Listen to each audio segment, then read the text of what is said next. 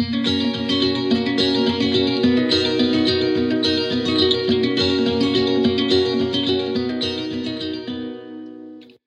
og velkommen til Danske spesial. Podkasten der vi ser litt nærmere på saker som vi mener fortjener ekstra oppmerksomhet. Fintech, startups, teknologiske revolusjoner og digitalisering er heitede temaer om dagen. De fem største nasjonene i form av antall startups i 2017 var i kronologisk rekkefølge USA, India, Storbritannia, Canada og Tyskland. Finnes det forhold som er spesielt godt egnet for startups? Er dette bare en hype, eller er vi inne i en ny æra for entreprenørskap? Vi skal i denne sendingen reise tilbake til et sted som av mange vil betegnes som tech-startups vugge i nyere tid nemlig Silicon Valley. Silicon Valley er den sørlige delen av San Francisco Bay Area i den amerikanske delstaten California. Navnet viste opprinnelig til regionens mange produsenter av integrerte kretser, der silisium er en viktig bestanddel. Eh, etter hvert så utviklet navnet seg til å vise til alle de teknologiske, høyteknologiske bedriftene i området, og til, eh, og til et metonym rett og slett for høyteknologisektoren generelt. Eh, Stanford University har alltid vært en av de største drivkreftene i Silicon Valley. Eh, her studerte også to unge menn, Bill Hewlett og David Packard, som i 1939 grunnla Hewlett Packard. Det som skulle komme til å bli en av de første store dataselskapene i området.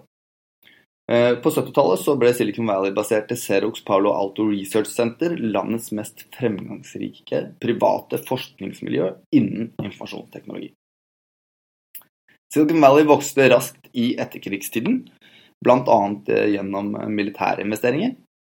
Eh, den virkelig store revolusjonen kom først med den første ekte PC-en fra Apple. Eh, Apple ble da grunnlagt i Cupertino i 1976 av Steve Jobs og Steve Wozniak. Og i likhet med de tidligere nevnte gigantene, så var Apple en av de første og største kreftene i Silicon Valley. Sammen la foretak som disse grunnlaget for vår tids datamaskiner og dagens informasjonssamfunn. Vel, dette er jo informasjon som vi kan få rett fra nett, eh, men vi ønsker litt mer enn det her i Danske Spesial. Vi vil ha hands on informasjon fra noen som faktisk har vært der. Og nå viser det seg at dette ikke skulle bli så vanskelig eh, for meg. Eh, lederen for Wealth Management her i Danske Bank han har nylig vært på et besøk i Silicon Valley. Og jeg er så heldig at jeg har fått med meg Pål Even Karstensen inn i studio i dag. Velkommen, Pål. Tusen takk. Du, Pål, kan ikke du fortelle meg, hva er det som er så spesielt med Silicon Valley? Det som jeg opplever spesielt med Silicon Valley, er at det er en hub som tiltrekker seg de smarteste hodene i, i verden. Og i tillegg så har de et miljø og en atmosfære som bare legger til rette for uh, idéskapning, kreativitet og uh, avslapning, vil jeg si. Ja, men kunne man ikke hatt det på Nannestad òg? Nannestad tror jeg det har fungert veldig, veldig godt. Men jeg tror faktisk at San Francisco har en historie her som, uh, som går tilbake i tid. Du, du hadde en fantastisk innledning med tanke på hva de har skapt, og med, spesielt med utgangspunkt fra Stanford University. Men de har også hatt fra 60, slutten av 60-tallet og inn i 70-tallet Flower Power, som gjorde at de tiltrukk seg hippier og andre kreative sjeler. Som har vært med å bidra til at du har fått på en måte et miljø og en atmosfære her som er helt annerledes enn resten av verden. Og det tror jeg har vært et utspring til, den, eh, til det de har skapt gjennom de siste årene. Ja, og det har vel kanskje ikke sett så mye av det på Nannestad? Nannestad fremstår ikke som et sånt sted. Kan, kan komme, kan komme. Hva, hva var, grunn, var, grunnen til at dere besøkte Silicon Valley? Ehm, en hovedgrunn for, for, oss i Danske Bank er jo det at vi ønsker å være med og legge til rette for oss å identifisere muligheter, og også være med og bidra til å få et innsyn i framtida om hva som skjer i verden. Eh, Danske Bank har et godt nettverk i Silicon Valley og San Francisco. Og det å bruke dette nettverket da, til å gi disse mulighetene til å treffe selskaper og influencers med tanke på å diskutere hva vil framtida bringe, det tenker jeg er et, et veldig godt utgangspunkt. Ja. Kan ikke du øh, fortelle meg litt om hvem var dere besøkte, og, og, Og hvordan var møtene som dere hadde mens dere var der? Hvor lenge var dere der? Vi, vi var der i fire dager. Ja. Og det var fire fullpakka dager med å treffe både selskap og influencers. Influencers er jo de som på en måte gjennom analyser og gjennom nettverket prøver å skape seg et bilde om hvor, hvilke trender er det som vi er i gang med. Og det er klart at I San Francisco så er det jo veldig teknologirelatert. Og det som er også spesielt, er at selv om det er San Francisco, så tenker de globalt. Alle tenker globalt, og de tenker nettverk og kunne, kunne bygge det. Vi møtte mange, som sagt, men jeg har lyst til å fokusere egentlig på en to-tre av de som vi, som vi, møtte. Fordi jeg syns de er veldig representative for hva som preger hele miljøet i, i San Francisco. Den første var jo, som er litt artig for oss eh, norske, er jo at vi møtte en nordmann som flytta til Silicon Valley i 2012. Og, og jobba for en, en eh, oppstartsbedrift eh, der. Etter noen år så fant han ut at han ville skape sitt eget. Og det som har vært hans kompetanse og drivkraft, det har vært 3D-printing.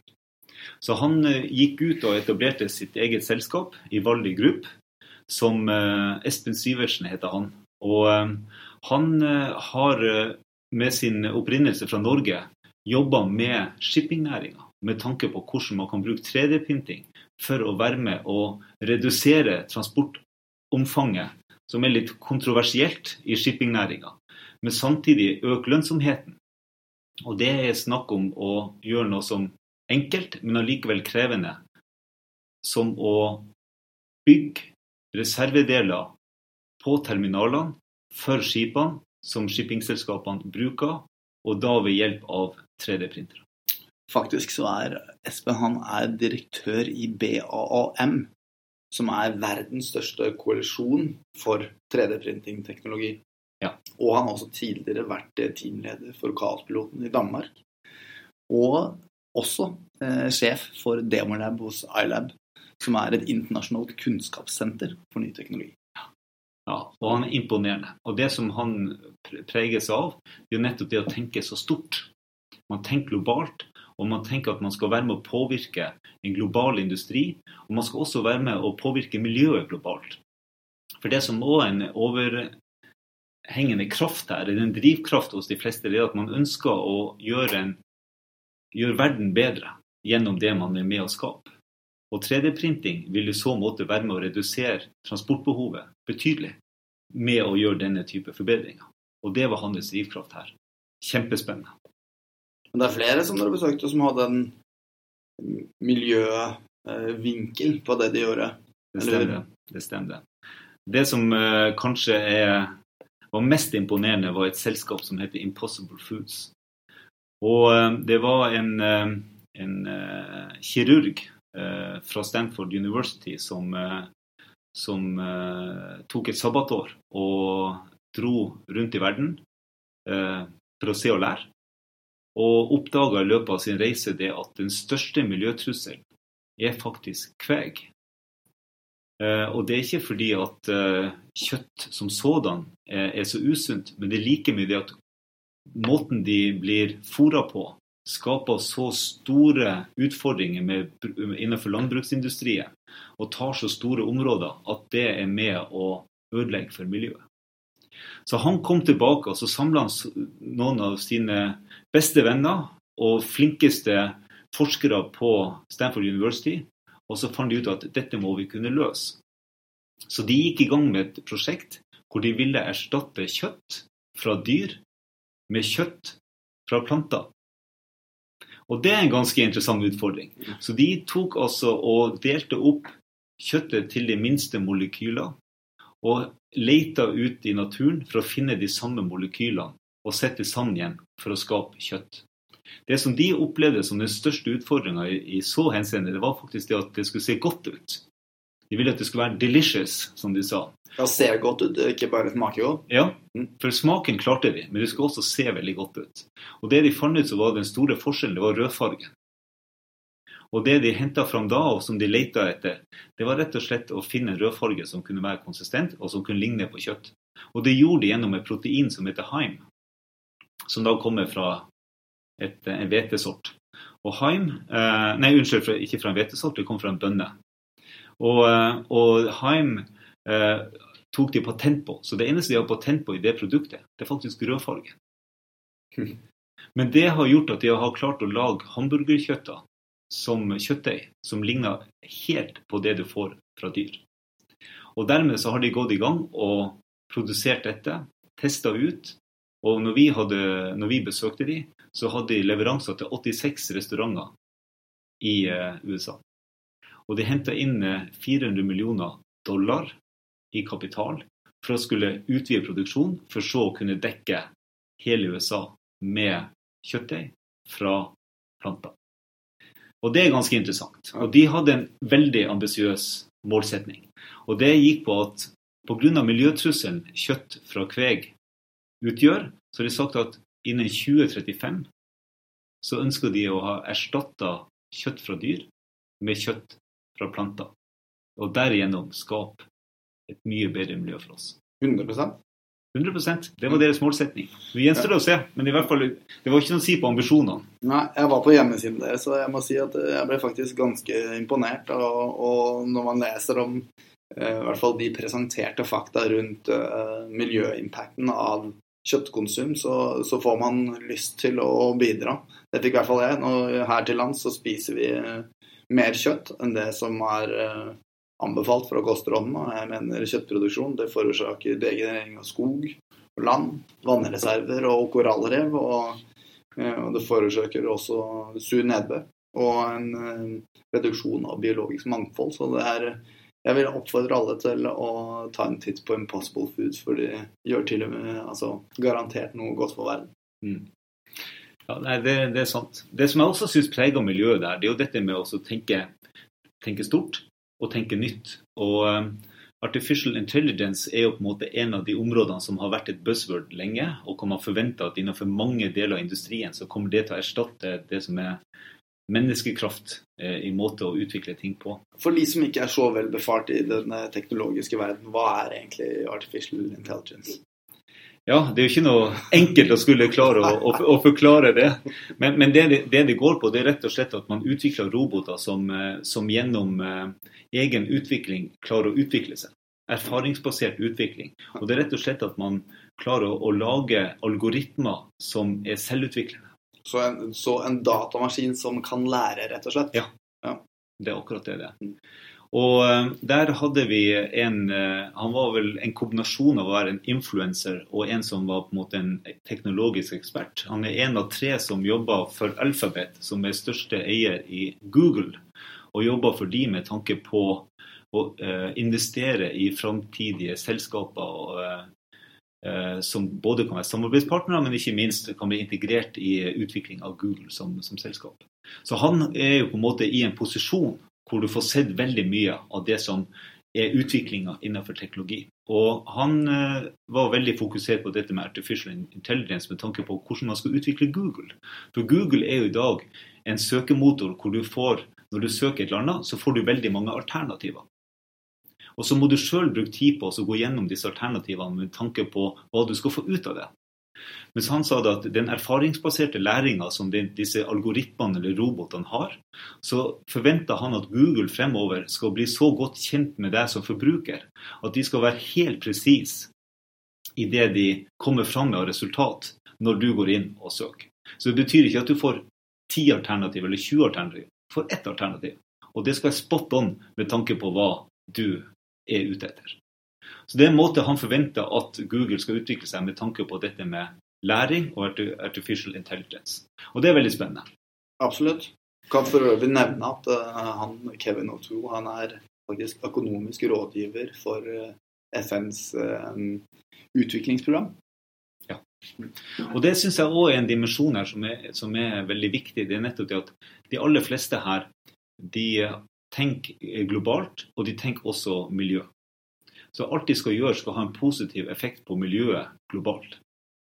Og den, si, den um, ryggmargsfølelsen som ligger her i, i det, å gjøre noe godt for samfunnet, tenker jeg er liksom en bærekraft og gjør at de idéskapningene og de, det de produserer og utvikler der, måte vil være eh, viktig fremover for å gjøre eh, jorda og gjøre planeten et bedre sted å, å være.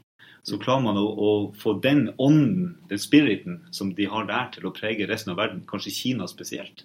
Så klart at da vil jo en utvikling gå langt utover det en Parisavtale og andre si, mer sentralstyrte, politiske, eh, relaterte prosjekter vil kunne bidra til.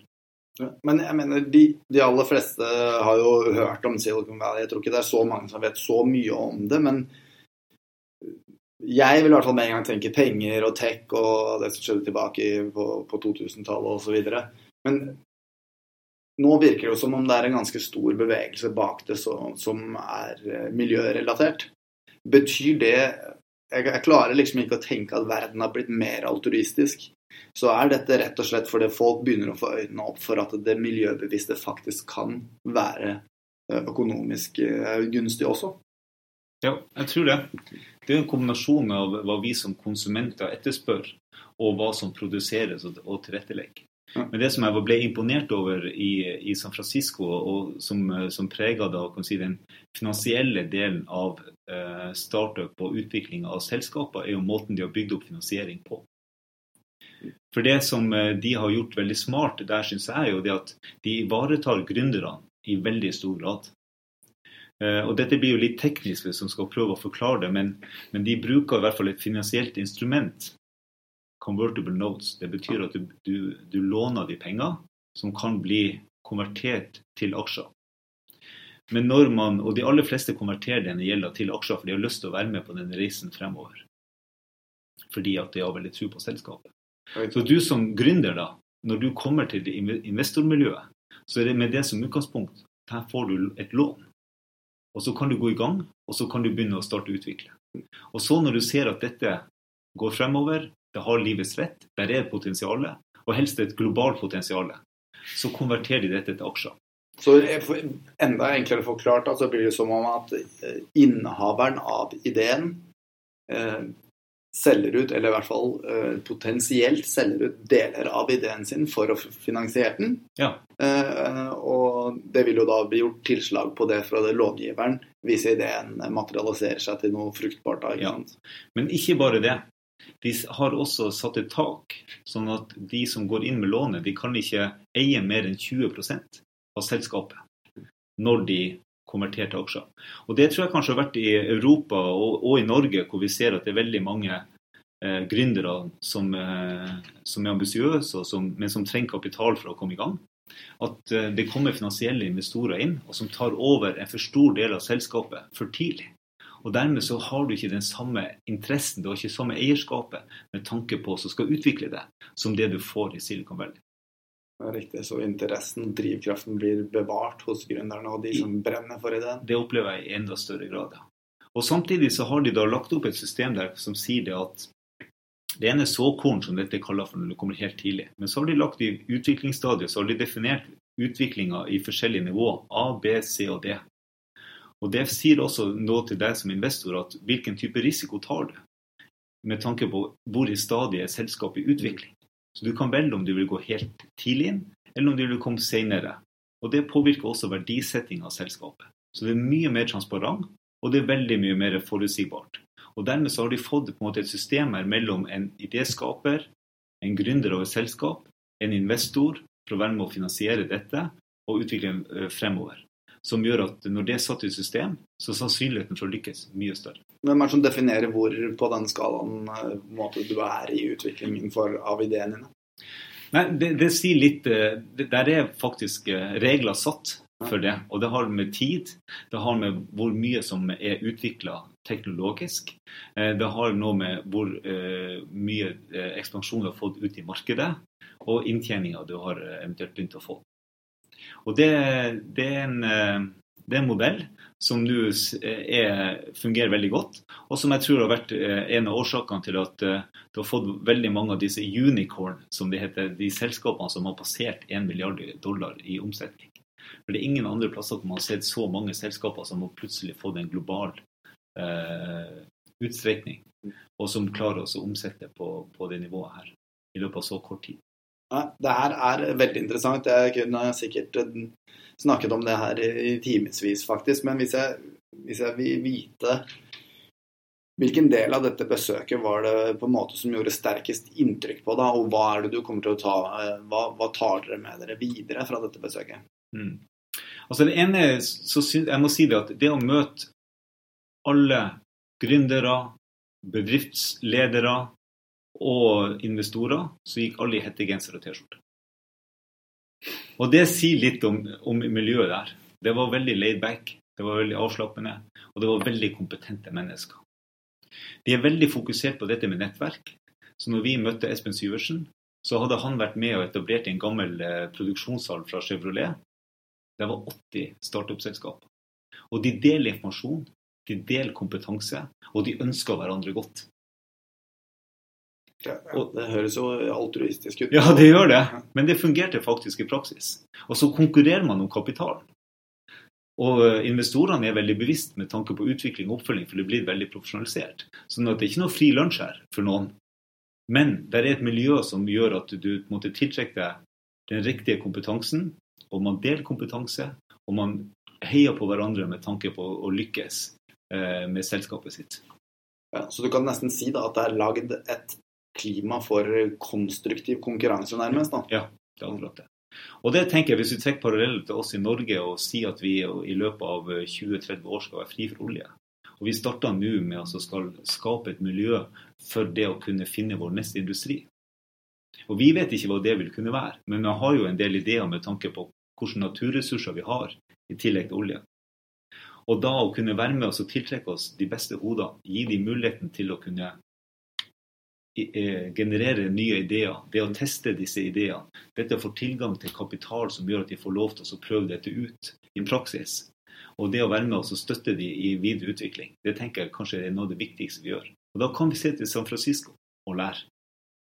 Det syns jeg egentlig er en ganske god oppsummering, Pål, og jeg føler at det danner i hvert fall en gryende start for en, eh, en, episode i Danske Spesial en gang i framtiden. Altså hvilken industri eller eh, teknologi trenger vi å utvikle her når vi ikke lenger har olje. Takk skal du ha, Pål, for dine inspirerende inntrykk fra Silicon Valley. Det var alt vi hadde i denne episoden av Danske Spesial.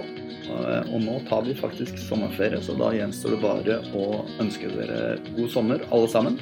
Og så høres vi igjen i august.